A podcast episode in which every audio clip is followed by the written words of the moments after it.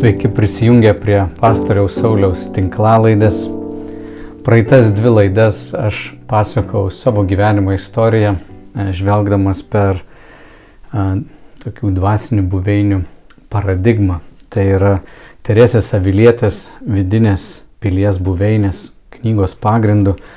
A, pažvelgiau į tuos etapus, per kuriuos šventoji dvasia mane vedė Ir kadangi tai nėra unikali kelionė, per kurią aš einu, nors įvykiai, žinoma, yra mano gyvenimo, bet desningumas arba pobūdis tos kelionės yra, galima sakyti, taikomas visiems žmonėms, nes Dievas mus per skirtingus brandos etapus veda panašiai.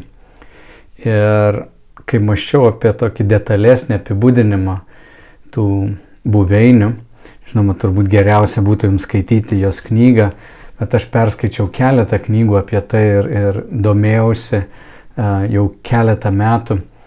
Prisiminiau pamokslų ciklą, kurį na, pamokslavau 2015 metais ir mano nustebimo jau 8 metai prabėgo nuo to laiko, bet uh, peržiūrėjęs užrašus uh, tų pamokslų, supratau, kad tai gali tikrai būti naudinga jums ir, na, kai mastau apie mūsų bažnyčios narius, apie mūsų tą bendruomenę, galvoju tikrai šita paradigma būtų mums visiems naudinga ir tiem, kurie pradedate dvasinę kelionę ir kurie joje jau esate kelis dešimtmečius, ypač tiem, kurie esate ilgesnį laiką, pasidomėti, ką mūsų broliai ir sesės rašė apie tas vėlesnės, na, tikėjimo kelionės stadijas, etapus, Todėl galvodamas, kad nebeperašinėsiu, galbūt leisiu jums paklausyti tai, kas buvo įrašyta ir kviečiu jūs, kas esate YouTube kanale, pažiūrėti tų pamokslų, o kas klausotės, tiesiog paklausyti. Taigi šiandieną apie tą pirmąją buveinę ir apie pačios, pačio to koncepto tokį detalesnį pristatymą. Taigi gero klausimo. Prieš dvi savaitės pradėjom um, pamokslo seriją, um, kuri vadinasi Arčiau. Ir tikslas, kai mes kalbame, kai mes susibūrėm kartu kaip tikinti žmonės, e, klausytis, ką Dievas nori mums kalbėti, nes jo žodis yra gyvas, jis kalba mums ir kaip bendruomeniai. Ir šitą pamokslo seriją gimė su mintimi, kad Dievas nori mus atvesti visada arčiau savęs. Ir tikinčiojo gyvenimas yra ir kelionė.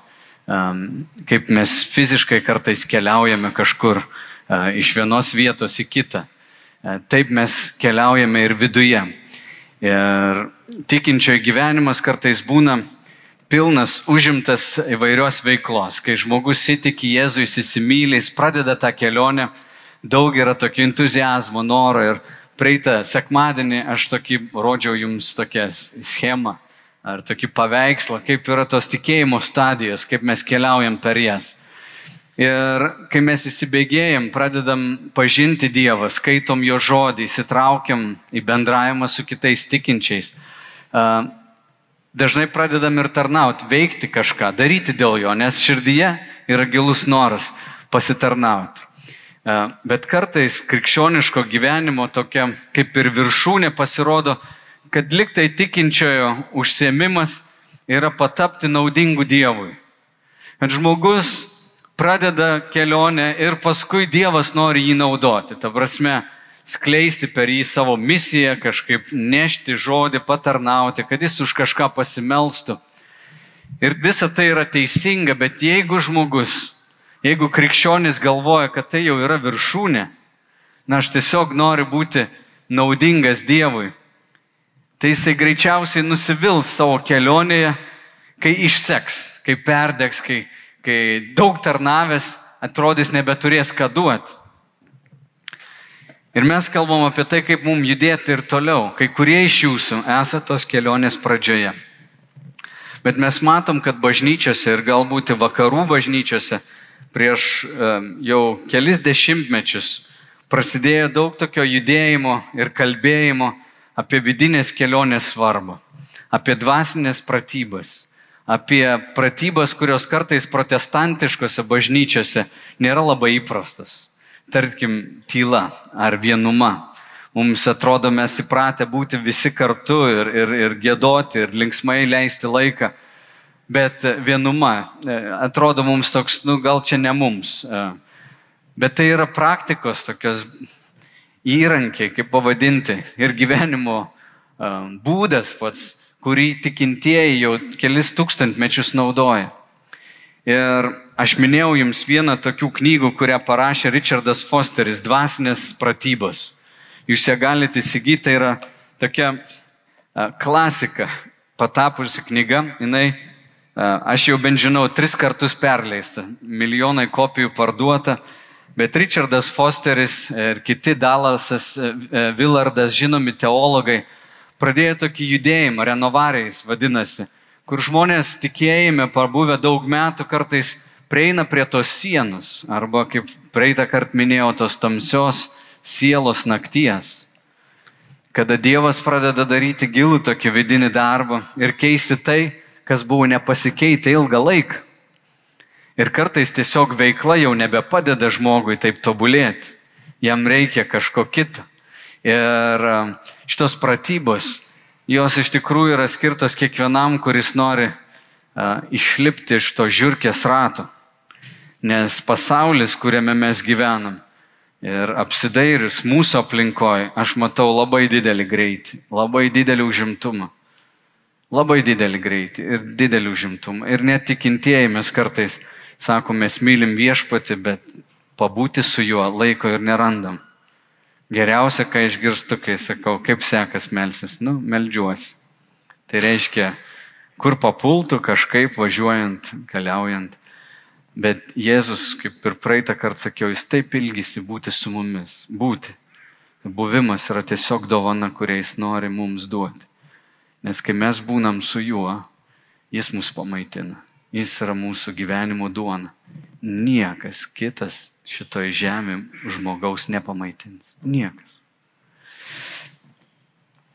Pradėti gyventi tomis e, pratybomis ir yra būdas priartėti prie Jėzaus ir leisti, kad jis priartėtų prie mūsų. Jis visada yra šalia, jis visada kalbės mums. Bet mūsų ausis negali būti užimtas triukšmu visą laiką, negali būti užimtas rūpešiu ir tuo pačiu metu išgirsti. Todėl taip svarbu yra sulėtėti ir nurimti. Ir aš melžiuosi, už bažnyčią melžiuosi kasdien, kad Dievas duotų mums malonę jį pažinti ir priartėti prie jo. Nes kai kurie užsiemimai, netgi jeigu mes sakom pradžioje kelionės, kad ateinam pas Dievą kažko norėdami iš jo.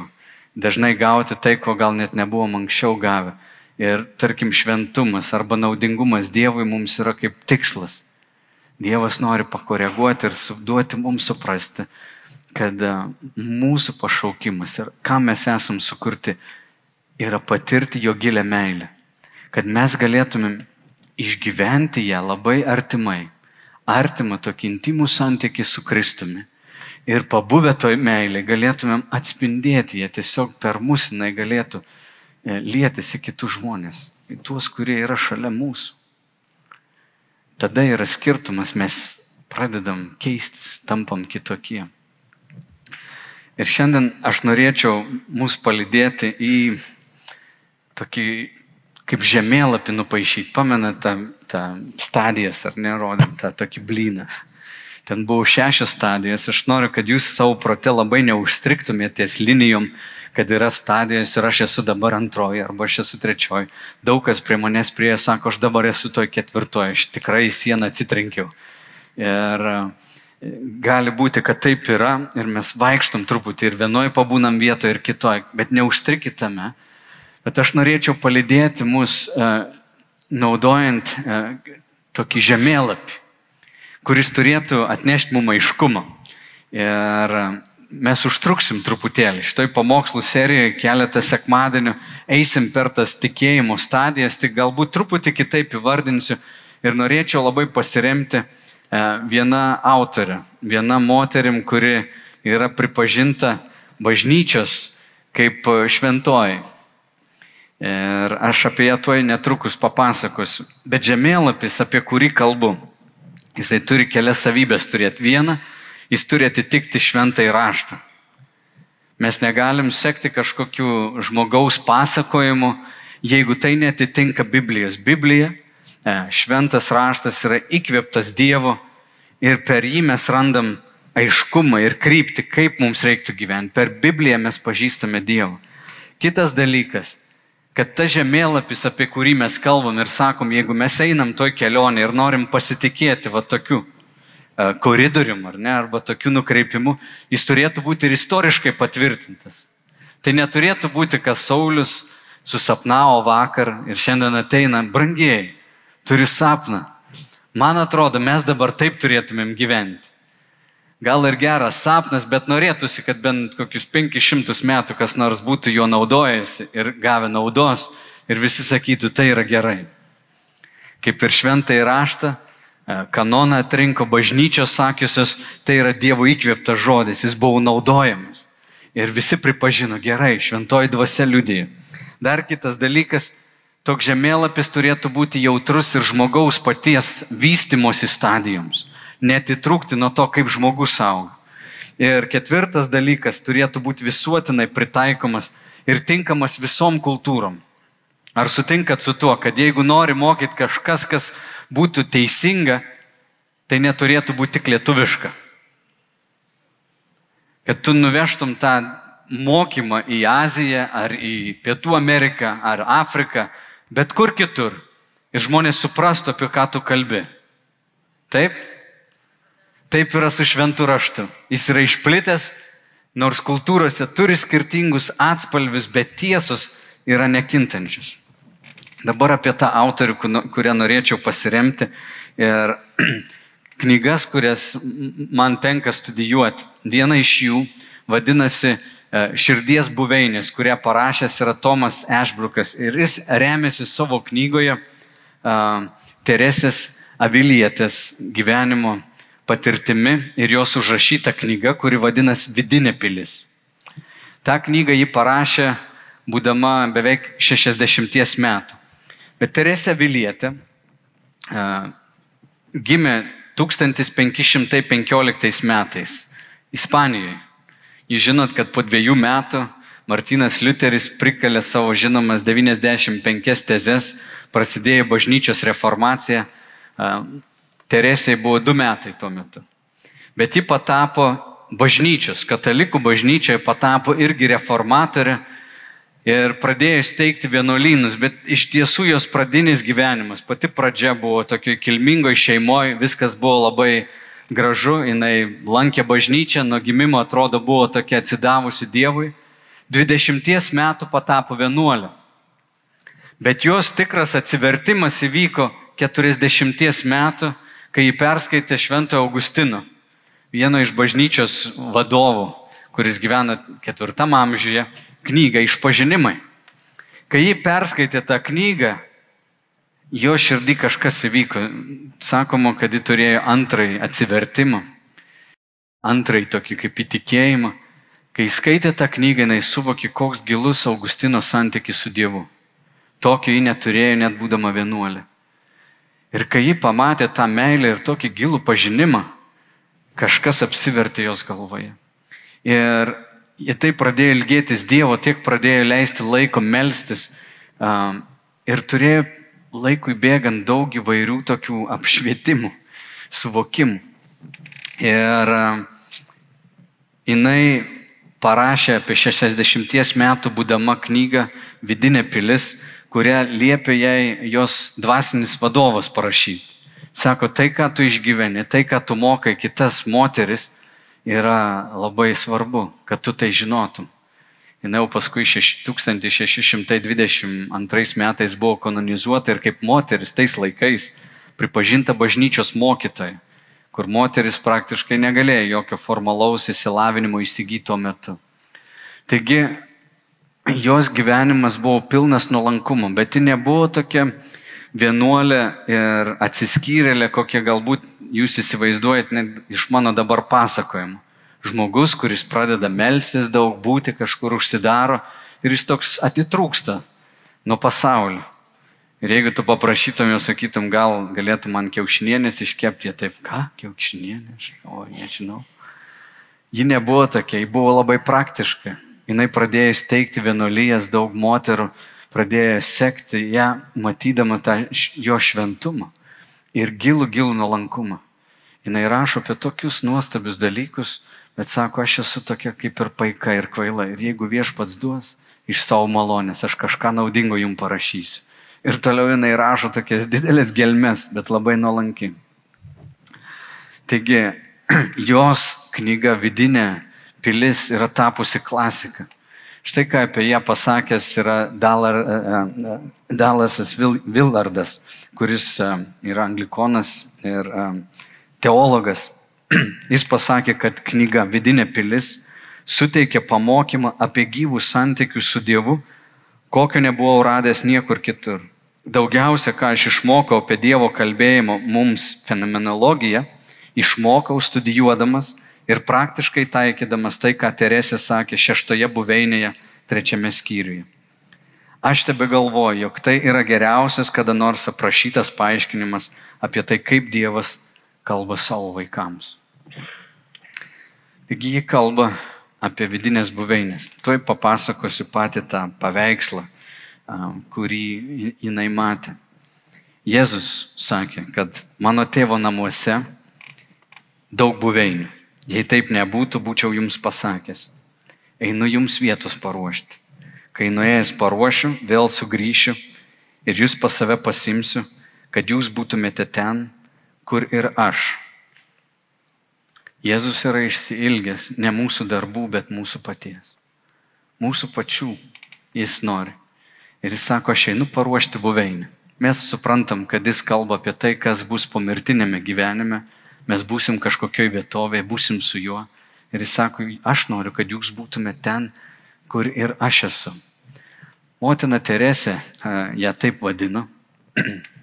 tai vadino ją šventąją, kiti tiesiog Teresė jinai pamatė kartą tokį vaizdinį, jau po ilgų metų maldos, pamatė pilį, kuri yra žmogaus viduje, jo sielos pilį. Ir ta pilis buvo kaip deimantinė tokia. Jis turėjo skirtingas buveinės ir kiekviena buveinė turėjo kambarius. Išoriniai tie kambariai buvo tos pirmosios žmogaus gyvenimo stadijos, kada žmogus tik įžengia į tą buveinę ir pradeda kelionę pačiam centre to deimanto, pačiame viduryje yra pats karalius, jo didenybė, jį vadina jo didenybė karalius Jėzus Kristus, iš kurios klinda šviesa. Ir ta šviesa yra labai ryški pačiame centre, bet jinai eina į išorę ir išorė jinai truputį jau išoriniuose kambariuose nebe tokia ryški, bet ne dėl to, kad šviesa sumenkinta, bet dėl to, kad ten viduje yra visokių kitokių gyvių, šliužų, gyvačių ir, ir kitokių nuodingų padarų. Ir štai ką ji sako, kad mūsų ta kelionė, kurią mes pradedame į tą buveinę, prasideda nuo maldos. Žmonės, kurie išorė yra, sako, jų siela taip pat labai brangi. Ir ten Dievas veda pokalbį su jais, jis bendrauja su žmogumi, kuris dar nėra pasirinkęs sekti karaliumi.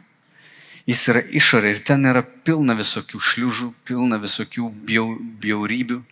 Bet tas žmogus yra tarsi pasiklydęs. Jis, jis vaikšto tamsoje, jis seka įvairiais malonumais, gyvena labai laikinais tikslais, bet toks pasimetęs, aklas ir nežino net kur eina. Jeigu jo paklausi, kur tu eini, jis nepasakys, kur eina. Ir kažkaip tai įvairiais būdais, jinai sako, yra milijonai būdų, kaip žmonės įžengia į tą pilį. Bet tai vyksta per maldą, per sąmoningą kažkokį apmąstymą, kada žmogus pradeda kalbėti Dievui. Ir tai yra paslaptis. Pamenat, Jėzus sakė, kad dvasia jinai pučia kur nori, jos ošimą girdi, bet negali matyti, nei iš kur atėjo tas vėjas, nei kur nueina. Taip yra su kiekvienu, kuris gimsta iš Dievo dvasios. Ir kai žmogus įžengia, prasideda jo kelionė. Ir ta kelionė pradžioje nėra labai lengva. Dar vieną tokį paveikslą, kurį noriu jums nupaišyti. Kalbant apie žmogaus pastangas ir Dievo pastangas. Teresinai kalba apie vandenis, kad pradžioje žmogus, kai būna toje buveinėje, jisai gauna vandens. Štai vienas autoris, kuris komentuoja jos knygą, e, taip parašė apie vandenis, kuriuos ji įvardina. Tomas Dubei. Jis sako, kad sielos sodas gali e, būti laistomas keliais būdais. Pirmas būdas semti vandenį kibirų iš šulinio rankų pagalba. Tai reikalauja daug žmogiškų pastangų. Antras būdas - nukreipti vandenį kanalais malūno pagalba. Tai reikalauja mažiau jėgų ir aprūpina sodą gausesnių kiekių vandens. Trečias būdas reikalauja dar mažiau pastangų, nes vanduo į sodą patenka upe arba šaltiniu. Ketvirtas būdas yra pats geriausias nes paties viešpaties švelnus, bet gausus lietus laisto sodą ir siela visai nedirba. Į kalbą apie tai, kad tolimesnėse gyvenimo kelionės tose etapuose žmogus gauna tokią malonę iš Dievo, kad jam nebereikia taip vargti ir taip stengtis kaip pačioje pradžioje. Bet kelionės pradžia reikalauja labai tokių žmogiškų pastangų. Tu vandenį gauni, tai yra Dievo dovana, bet tu ją turi tarsi pats E, iš šulinio pasisemti.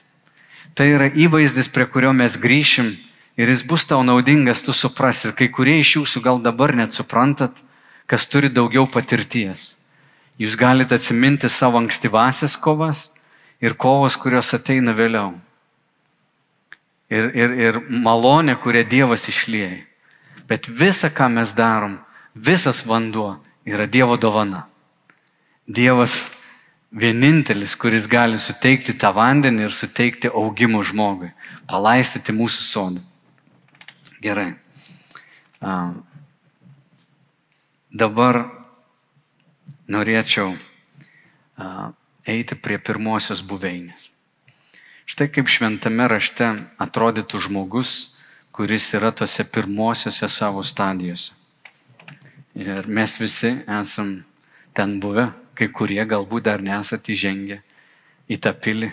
Aš viliuosi, kad tai, ką jūs klausot, jums bus paprasta, suprantama, nors jūs to nesat patyrę, bet jūs galėsite irgi įžengti tą pilį ir į tą santykį su Kristumi. Apaštalas Jokūbas rašo ketvirtame skyriuje. Iš kur tarp jūsų atsiranda karai ir kivirčiai?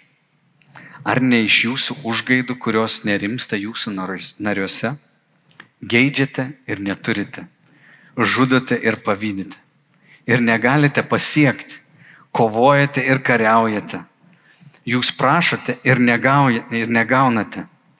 Ai, atsiprašau, praleidau, ar ne, neturite, nes neprašote. Jūs prašote ir negaunate, nes blogo prašote savo užgaidoms išleisti. Paleistuviai ir paleistuvės. Ar nežinote, kad draugystė su pasauliu yra priešiškumas Dievui? Taigi, kas nori būti pasaulio bičiulis, tas tampa Dievo priešu. Čia geras aprašymas, kas vyksta su žmogumi pirmose buveinėse. Tomas Ešbrukas, kuris parašė tą knygą Širdies buveinės, paremta Teresės knyga Vidinė pilis, jisai vardina tos kambarius, įdeda į tokias šešias kategorijas. Ir jis kartoja per kiekvieną tą buveinę, kurioje mes esame, judėdami arčiau jo, eidami arčiau paties viešpaties Jėzaus. Um, jos turi tam tikrus tokius, tam tikrą pobūdį. Ir mes iš tų kambarių pereinam. Viename mes pagyvename, paskui kitą nueiname, vėl grįžtame. Bet tai yra kelionė, kurioje žmogus yra. Čia mes matom žmogų, kuris įžengia į pilį Ir Jokūbas rašo, sako, pas tą žmogų yra kas? Pavydas, kariavimai. Netgi jo maldos gyvenimas yra, jis sako, kažko prašo, bet negauna. Kartais iš vis dar net neišmokęs gal prašyti. Gal pats savo rankomis nori viską pasimti. Bet kartais prašo, o prašo blogą. Savo užgaidoms patenkinti. E, noriu, kad jūs išgirstumėte tai e, Jėzaus meilės tokiam, meilės aplinkoje, kaip pasakyti, Jėzaus meilėje. Kai mažas vaikas prisidirba į kelnes, niekas nepyksta ant jo. Taip? Jeigu 20 metais prisidirba, nu, daug kas nemaloniai pradeda komentuoti. Bet būtų keista. Bet mažas vaikas, jis daug ką netaip padaro. Taip yra su kiekvienu tikinčiu, kuris įžengia į pilį, jo pradžios ta kelionė yra kokia. Jis įslenka, kaip Teresė sako, ir su juo įvairūs šliužai. Ir ten daug tokio purvo dar yra. Dažnai tas žmogus galvoja apie buvimą su Dievu, gauti tai, ko jis dar nėra gavęs. Jisai ateina su sava motivacija. Jo pradinis vatas kambarys, į kurį jisai patenka, yra patys širdies troškimai santykiuose su Dievu. Apie tai ir kartuosim kad visos Dievo dovanos ir visi palaiminimai žmogui jau yra suteikti. Jis neteina savo jėgomis kažką pasigriepti, pasimti Dievui, Dievas jau yra tai davęs. Bet visas mūsų augimas yra susijęs su Dievo pažinimu, mokėjimu gyventi pilnatvėje, to, ką mes jau esame gavę. Dievas tampa viltimi, žmogus ateina, bet po truputėlį eidamas jisai dar turi labai daug savo tokių norų. Ir kartai žmogus patenkina tai, ko nebuvo gavęs pasaulyje. Labai dažnai tenka matyti žmogų, kuris jaučiasi vienišas, jis ateina pas Dievą, sako, padaryk, kad nebebūčiau vienišas. Žmogus, kuris turi priklausomybę, ateina pas Dievą ir pirmas prašymas Dieve, išvaduok mane iš priklausomybės. Mes ateinam su daugybė prašymų ir tai yra normalu, tai yra gerai. Mes einam ir prašom jo. Bet mūsų pažinimas dar toks labai labai ribotas. Mūsų pagrindinė veikla tokia atrodo, į pašaukimą atsiliepiant Dievu, yra, kad mes pradedam po truputį, po truputį atsikratyti nuodėmį. Dažniausiai, kai išgirsti iš tokio žmogaus, sako, neberūkau. Čia yra jau. Čia lygis. Ir tikrai, aš pamenu, kai aš nustojau keiktis, kažkaip įtikėjau Kristų, pradėjau lankyti bažnyčią, dingo visi keiksmažodžiai. Ir man toks šokas, wow, kas čia dabar buvo. Ir aš visiems pasakoju, jaučiat, aš nebesikeikiu. Nu, tai buvo labai didelis dalykas. Šiandien man tai nėra labai didelis dalykas. Um, aš pamenu vieną kartą, kaip nusikeikiu, aš tada ir supratau, kad jau keletą mėnesių nebesikeikiu. Pyliau benziną ir tais laikais būdavo, tai pamenu, uh, kažkaip turėjai susimokėti ir uh, žmogus tą rankeną buvo nuspaudęs ir aš paėmiau tą rankeną, susimokėjau, jau norėjau pilti ir pradėjai purkšti benziną. Ir vėjas pučia, tas benzinas ant manęs lekia.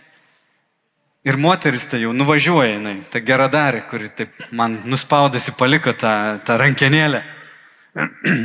Ir iš mano burnos išėjo toks garsus rusiškas, riebus žodis. Aš jo nesakysiu, nenoriu užteršti protą. Aš nusikeikiu ir man taip gėda pasidarė. Ir galvojau, prieš keletą mėnesių aš būčiau taip nusikeikęs ir dar septynis kart pakartojęs. O čia aš pasakiau ir aš... O, taip negalima. Ašgi krikščionis, negalima taip keiktis. Ir man tokia gėda buvo, aš užmiršau tą benziną, išsipilimą visą. Aš tiesiog puoliau atgailauti, Dieve, pasigailėk manęs, kad aš iš savo burnos tokius purvinus žodžius pasakiau. Bet mes pradedam pradedam atsisakyti kažkokių nuodėmių, tokių matomų didelių ir labai dažnai didžiuojamės. Dažniausiai noris pasigirti. Klausykit, aš beveik šventas. Žinot, aš nebesikeikiu. Ir įdomu tai, kad žmogus pradžioje jis taip apie save gerai galvoja. Kuo toliau mes pažįstam Jėzų, tuo mes labiau savo purvą matom tai mes vis labiau labiau tampam nuolankus ir tas nuolankumas neapsimestinis, mes iš tikrųjų pradedam save pažinti ir savo bjaurumą. Bet pradžioje žmogus jis to nemato.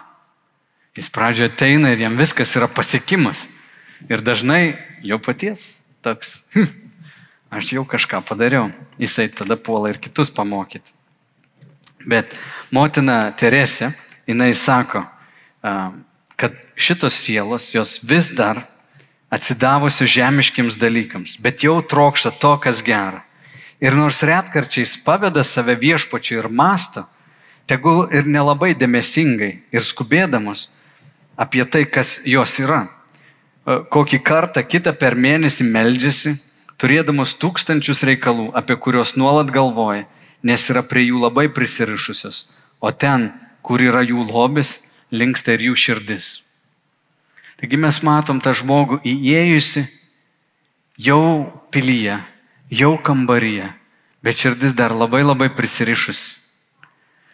Noriu, kad tie, kurie esat vyresni tikėjime, niekada nesmerktumėt to žmogaus ir nepabandytumėt padaryti jo šventuoliu per dvi savaitės. Tai neišeina. Taip neišeina. Žmogus jis dar skuba, jis lekia, jis, jis, jis nori kažką pasiekti, jis nori turėti ir jo dar yra labai daug. Jo malda, kaip sakiau, dažnai yra toks bendravimas su Dievu, paprašyti, vat, ko man labai reikia. Laukiam, kada Dievas a, pasirodys matomai. Ir čia turiu pasakyti, kad Dievo malonė irgi yra labai didelė. Kad tuose pirmuose mėnesiuose, metuose Dievas dažnai apsireiškia stebuklingų būdų. Čia vienas man brolis sako, žinai, ką aš įtikėjau, tu nepatikėsi, koks Dievas man geras. Vakar važiavau per Klaipėdą ir per visą Klaipėdą pervažiavau, kaip tik privažiuoju prie šviesoforo, žalia užsidega šviesa. Ir per visą Klaipėdą nesustojęs pravažiavau. Žinai, man taip gera, nes anksčiau, žinai, taip nebuvo. Ir tu sakysi, tai atsitiktinumas, bet keista, tų atsitiktinumų yra daug. Jo kelionės pradžioje tų atsitiktinumų daug. Ir žmogus dažnai išgyvena tokią meilę, kurios anksčiau ne, ne, nepatyrė kitiems žmonėms. Net tų, kurių nemėgo, kartais pradeda mėgti. Ir jo gyvenimas keičiasi. Ir jis labai to džiaugiasi. Bet jo malda yra tokia labai dažnai tik tais bendra.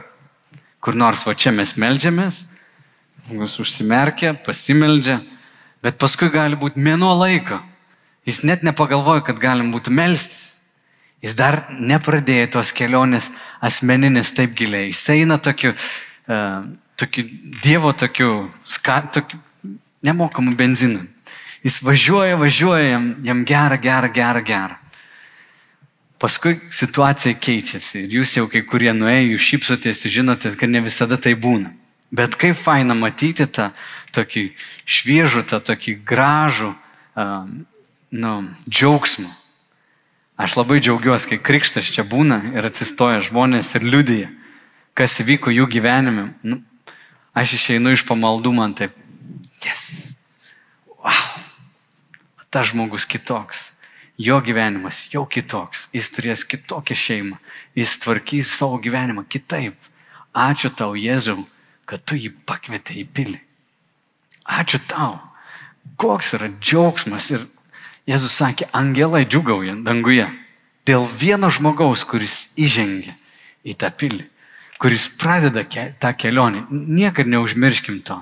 Nu, nėra didesnio malonumo, kaip pamatyti, kad žmogus pažino Jėzų patyrė tą pirmąjį nuodėmę atleidimą, kada nuodėmės nuplautas, kada kalties sieloje nebėra žmogus pirmą kartą gyvenime. Man gera. Atsimenat, atsimenat tas akimirkas. Tai yra jėga. Kai kurie sako, tai buvo taip seniai, praeitame šimtmetyje. Niekad neužmirškim to tų pirmųjų akimirkų. Um, ką Jėzus daro, kai mes pasieteinam? Mes prašom jį kaip vaikučiai ir sakom, duok, duok, duok, duok, duok man. Prašau, padėk, padėk, padėk, padėk. Jis atsiliepia į mūsų prašymus. Ir šventoji dvasia, jinai kalba mums per šventąją raštą, per, per pamaldas, per kitus mes girdim. Dievas mums suteikia palankumą. Štai ką Teresė rašo apie palankumą. Sako, kaip nesidžiaugti, kad jo didenybė gali per bet kurį žmogų atsiskleisti. Kokie didingi jo darbai. Kartais tai daro vien tam, kad juos parodytų, kaip kalbėdamas apie aklai, kuriam atvėrė akis. Kai apaštalai jo paklausė, ar anas toks buvo dėl savo ar dėl savo tėvų nuodėmių. Tau jau yra malonės Dievas teikia ne dėl to, kad jas gaunantis yra šventesni už jų negaunančius, bet kad atskle, atsiskleistų jo didingumas, kaip šventas Paulius ar Magdalietės, švento Pauliaus ar Magdalietės atveju, ir kad jį garbintume jo kūriniuose. Jis sako štai ką, to, kokį dalyką. Tikinčiajam turi tai būti žinoma, kad kai mes gaunam kažkokią dovaną, malonę, tai ir yra Dievo Jėzaus Kristaus iniciatyva. Net kai mes savo pripaišom ir sakom, čia aš to padariau, aš to nusipelniau, turi suprasti, kad taip mąstyti gali tik pradžiai. Kuo toliau, tuo labiau suprasi, viskas yra Dievo malonė. Kodėl jis išsirinko pagydyti tą aklą į žmogų? Mokiniai sako, ką jis tokio blogo padarė?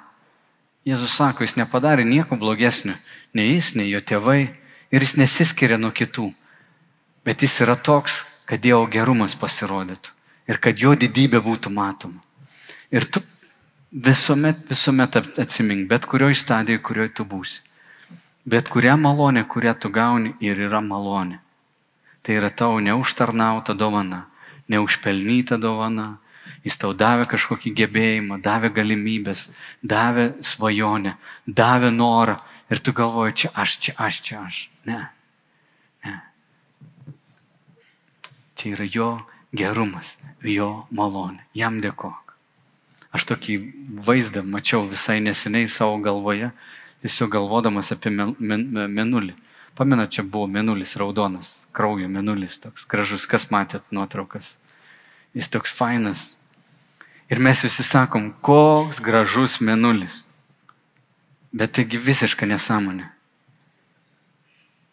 Tas menulis yra tiesiog purvina tokia pilka, ak, akmuo pilkas, po dangus skraida. Jame nieko nėra gražaus. Ar jūs, nežinau, ar kas norėtumėte nukeliauti, ten dulkės, ten nieko nėra. Bet kartais mes žiūrim ir sakom, koks gražus menulis. Iš tikrųjų, ką mes sakom, kokia graži yra Saulė. Ar ne? Mes sakom, kokia graži yra Saulė. Jis net menulį tą pilką masę tokią padaro gražiu. Ir kol mes esam jauni, tai kaip menuliukai tokie. Pažiūrėk, aš nebesikeikiu. Žiūrėkit, koks aš gražus, koks aš raudonas. Aš jau tą ir tą pasiekiau, aš jau tą padariau. Ir mes, tie jauni menuliukai, susirinkę ir sakom, pažiūrėkit, koks raudonas. O tas koks gražus ir kartais mes plojam, ir kartais mes džiaugiamės ir giriam. Ir kartais tos puikybės tokios yra daug. Bet kuo giliau mes pažįstame jį, mes taip žiūrim į menuliuką kokį. Žiūrim į žmogų ir sakom, o, kokia graži saulė. Kad net šitą menuliuką padaro gražiu. Ir mūsų kelionė, kai mes judame su viešpačiu, mes pradedam pažinti tą vis labiau ir labiau. Žinoma, čia menulis nėra labai geras palyginimas. Štai Teresinai sako, kad žmogaus siela, bet kurio žmogaus siela yra neįkainojama. Pasaulis, visas pasaulis neprilyksta vieno žmogaus vertai. Mes nesuvokiam, mes galvojam, žmogus mažas numirs ir jo nebeliks, bet jame yra kažkas amžino Ir jinai sako, tai yra kaip deimantas brangus, brangus ir kiekvienas žmogus yra be galo, be galo brangus. Ir ta kelionė, nors ten būtų šliužo aplinkui, to žmogaus kelionė yra labai brangi. Mes negalim to žmogaus kažkaip nustumti, atmesti, kaip tik turim jam padėti. Dabar kokios yra abejonės, kokios yra pirmosios kovos? Pirmosios kovos labai dažnai yra susijusios su tokiu žmogaus gundimu į nuodėmę, abejonė Dievo egzistavimo arba Dievo meilė ir maištu. Tiesiog nenoru uh, sekti juo. Tokie yra pirmieji gundimai. Ir gundytojas yra piktasis, tai yra pikta dvasia. Yra dvasios, kurios turi savo intelektą, savo jėgą, savo galę ir gali žmogų gundyti. Ir pirmosios atakos yra būtent tokios, kad žmogus grįžtų atgal prie tų šliužų, grįžtų atgal į nuodėmę, kad jis būtų gundomas senais dalykais. Aš pamenu, turėjau kasečių tokias, reikia gal net aiškinti dabar kai kuriem, kas yra kasetė. Muzika buvo laikoma kasetėse. Aš turėjau 70 kasečių. E, e, visą rinkinį tokį. Ir tai buvo labai daug. Tarybiniais laikais jos kainuodavo labai brangiai. Ir aš pamenu, kai aš įtikėjau, praėjo keli mėnesiai, aš pradėjau klausytis kasečių tų savo senos muzikos. Ir pamenu, užsidėjau Džono Lennono Imagine dainą. Ir man netokia melancholija apėmė, kad aš tapau kaip paralyžiuotas.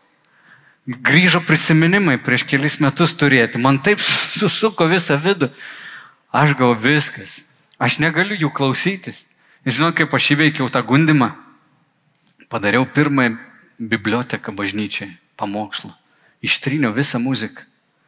Ir tu sakytum, kaip čia dabar, čia kaip knygų deginimas. Ne, ne, ne. aš nieko nesudeginau.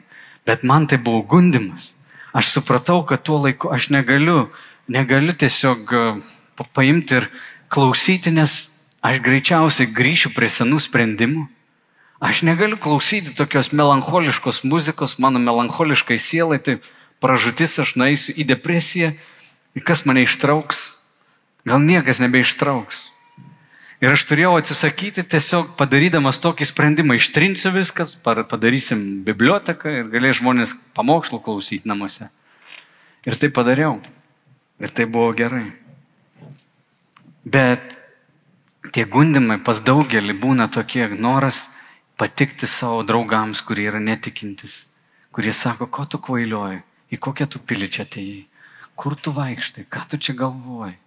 Nesąmonė tikintis kažkoks fanatikas, meldės dar namuose, iš visų sudavatkėjai. Vargas, vargas. Einam, atsisėsim, atsipalaiduosim, alaus išgersim, pašnekėsim apie ką nors rimtą. Koks tu čia dabar sudavatkėjai? Ir žinai, tą spaudimą atlaikyti sunku, kartais net šeimoje sunku žmogui atlaikyti. Bet čia, kas mes esam tikėjime, seniau prisiminkim tuos laikus, nesmerkim nespauskim, bet padėkim, broli. Supraskim, kad tas kelias, kuriuo jis eina, niekada dėl jo nesigailės. Grįžti prie gyvačių šliužų, jisai to pasigailės. Teresė sako apie sielas, kad jos yra, kai įeina pačioj pradžioj, sako, nes sielos čia įeina įvairiais būdais ir visos vedamos gerų ketinimų, o piktojo ketinimai visuomet blogi. Ir jis turbūt kiekviename kambaryje laiko legionus piktųjų dvasių, neleidžiančių sieloms pereiti iš vieno kambario į kitą. Vargšė siela to nepastebi. Ir jis tūkstančiais būdų mums pačiam pučia miglą į akis, nors tas sielas, kurios yra arčiau karaliaus kambario, jam apgauti sunkiau. O čia esančios sielos, dar prisėmusios, pasa, prisėmusios pasaulio ir įnikusios į jo teikiamus pasitenkinimus, alpsta dėl jo garbės ir siekių. Siela jinai vis dar alpsta dėl pasaulio siekių ir dėl pasaulio garbės.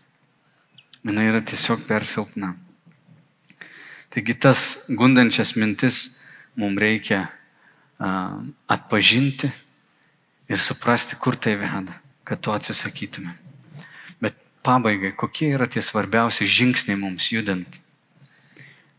Jeigu žmogus tikėjimo pradžioje nepradės skaityti šventojo rašto, Biblijos, jo pažinimas Dievo neauks, jis negalės niekur nukeliauti. Todėl, brangiai, kurie esate tikėjime, ir nesvarbu, ar tu būtum 5 ar 10 ar 20 metų, šitas dalykas niekada nepasikeis. Dievo žodžio skaitimus ir jo apmąstymus. Jis turi būti visako pagrindu. Jis turi būti visako pagrindu, absoliučiai.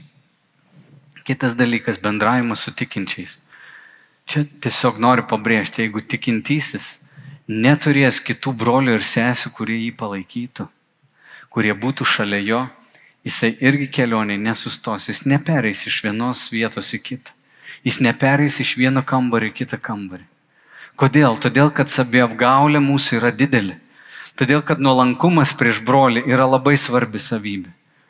Tam, kad mes galėtumėm eiti kartu, mums reikia būti su kitais.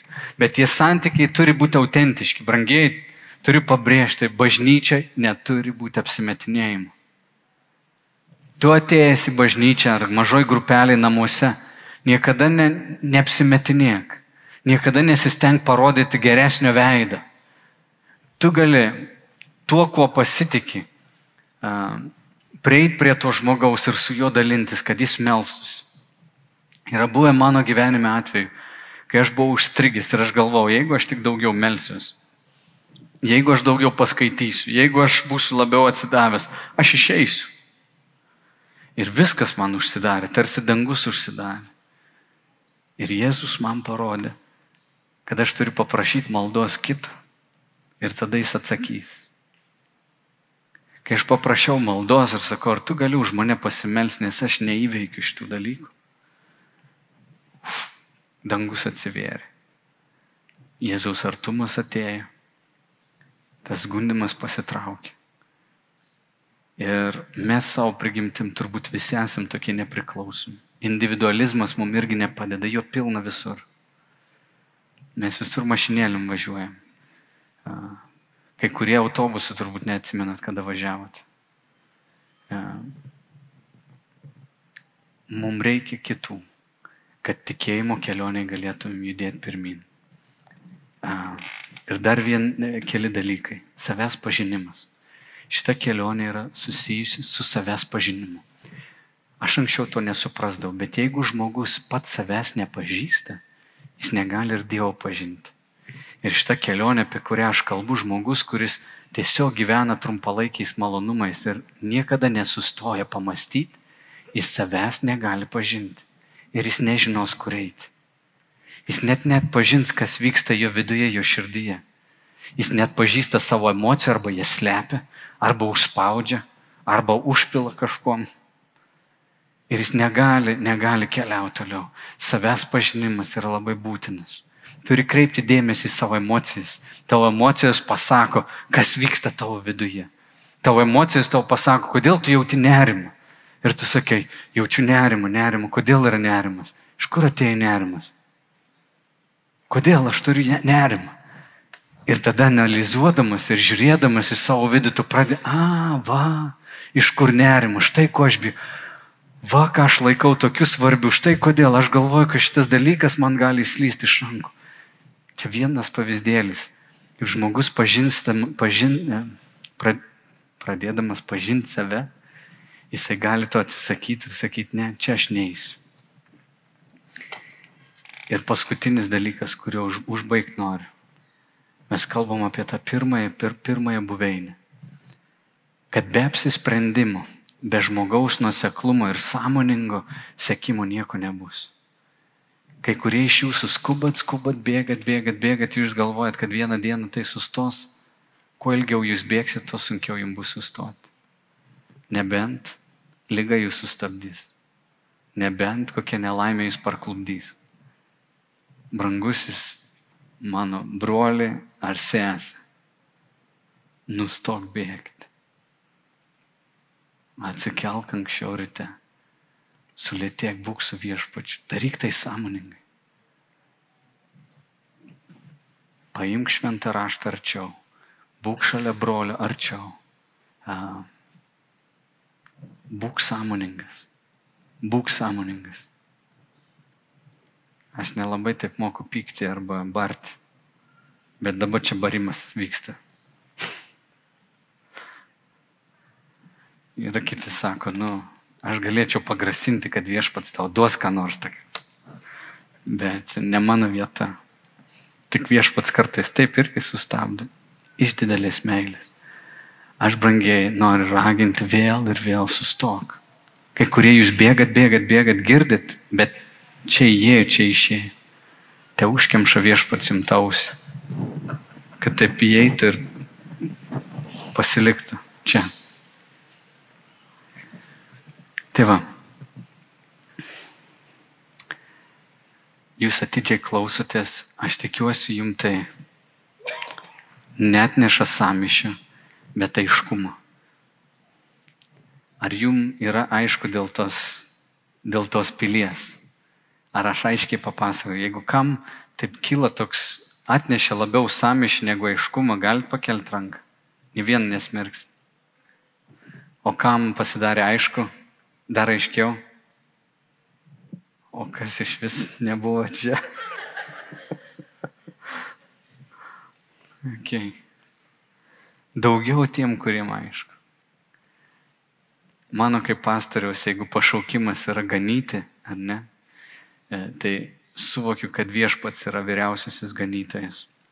Tu esi atsakingas už savo dvasingumą, aš negaliu už tave būti atsakingas. E, bet mano dalis yra klausytis viešpaties ir sakyti, Jėzau, kur tu nori mus vesti.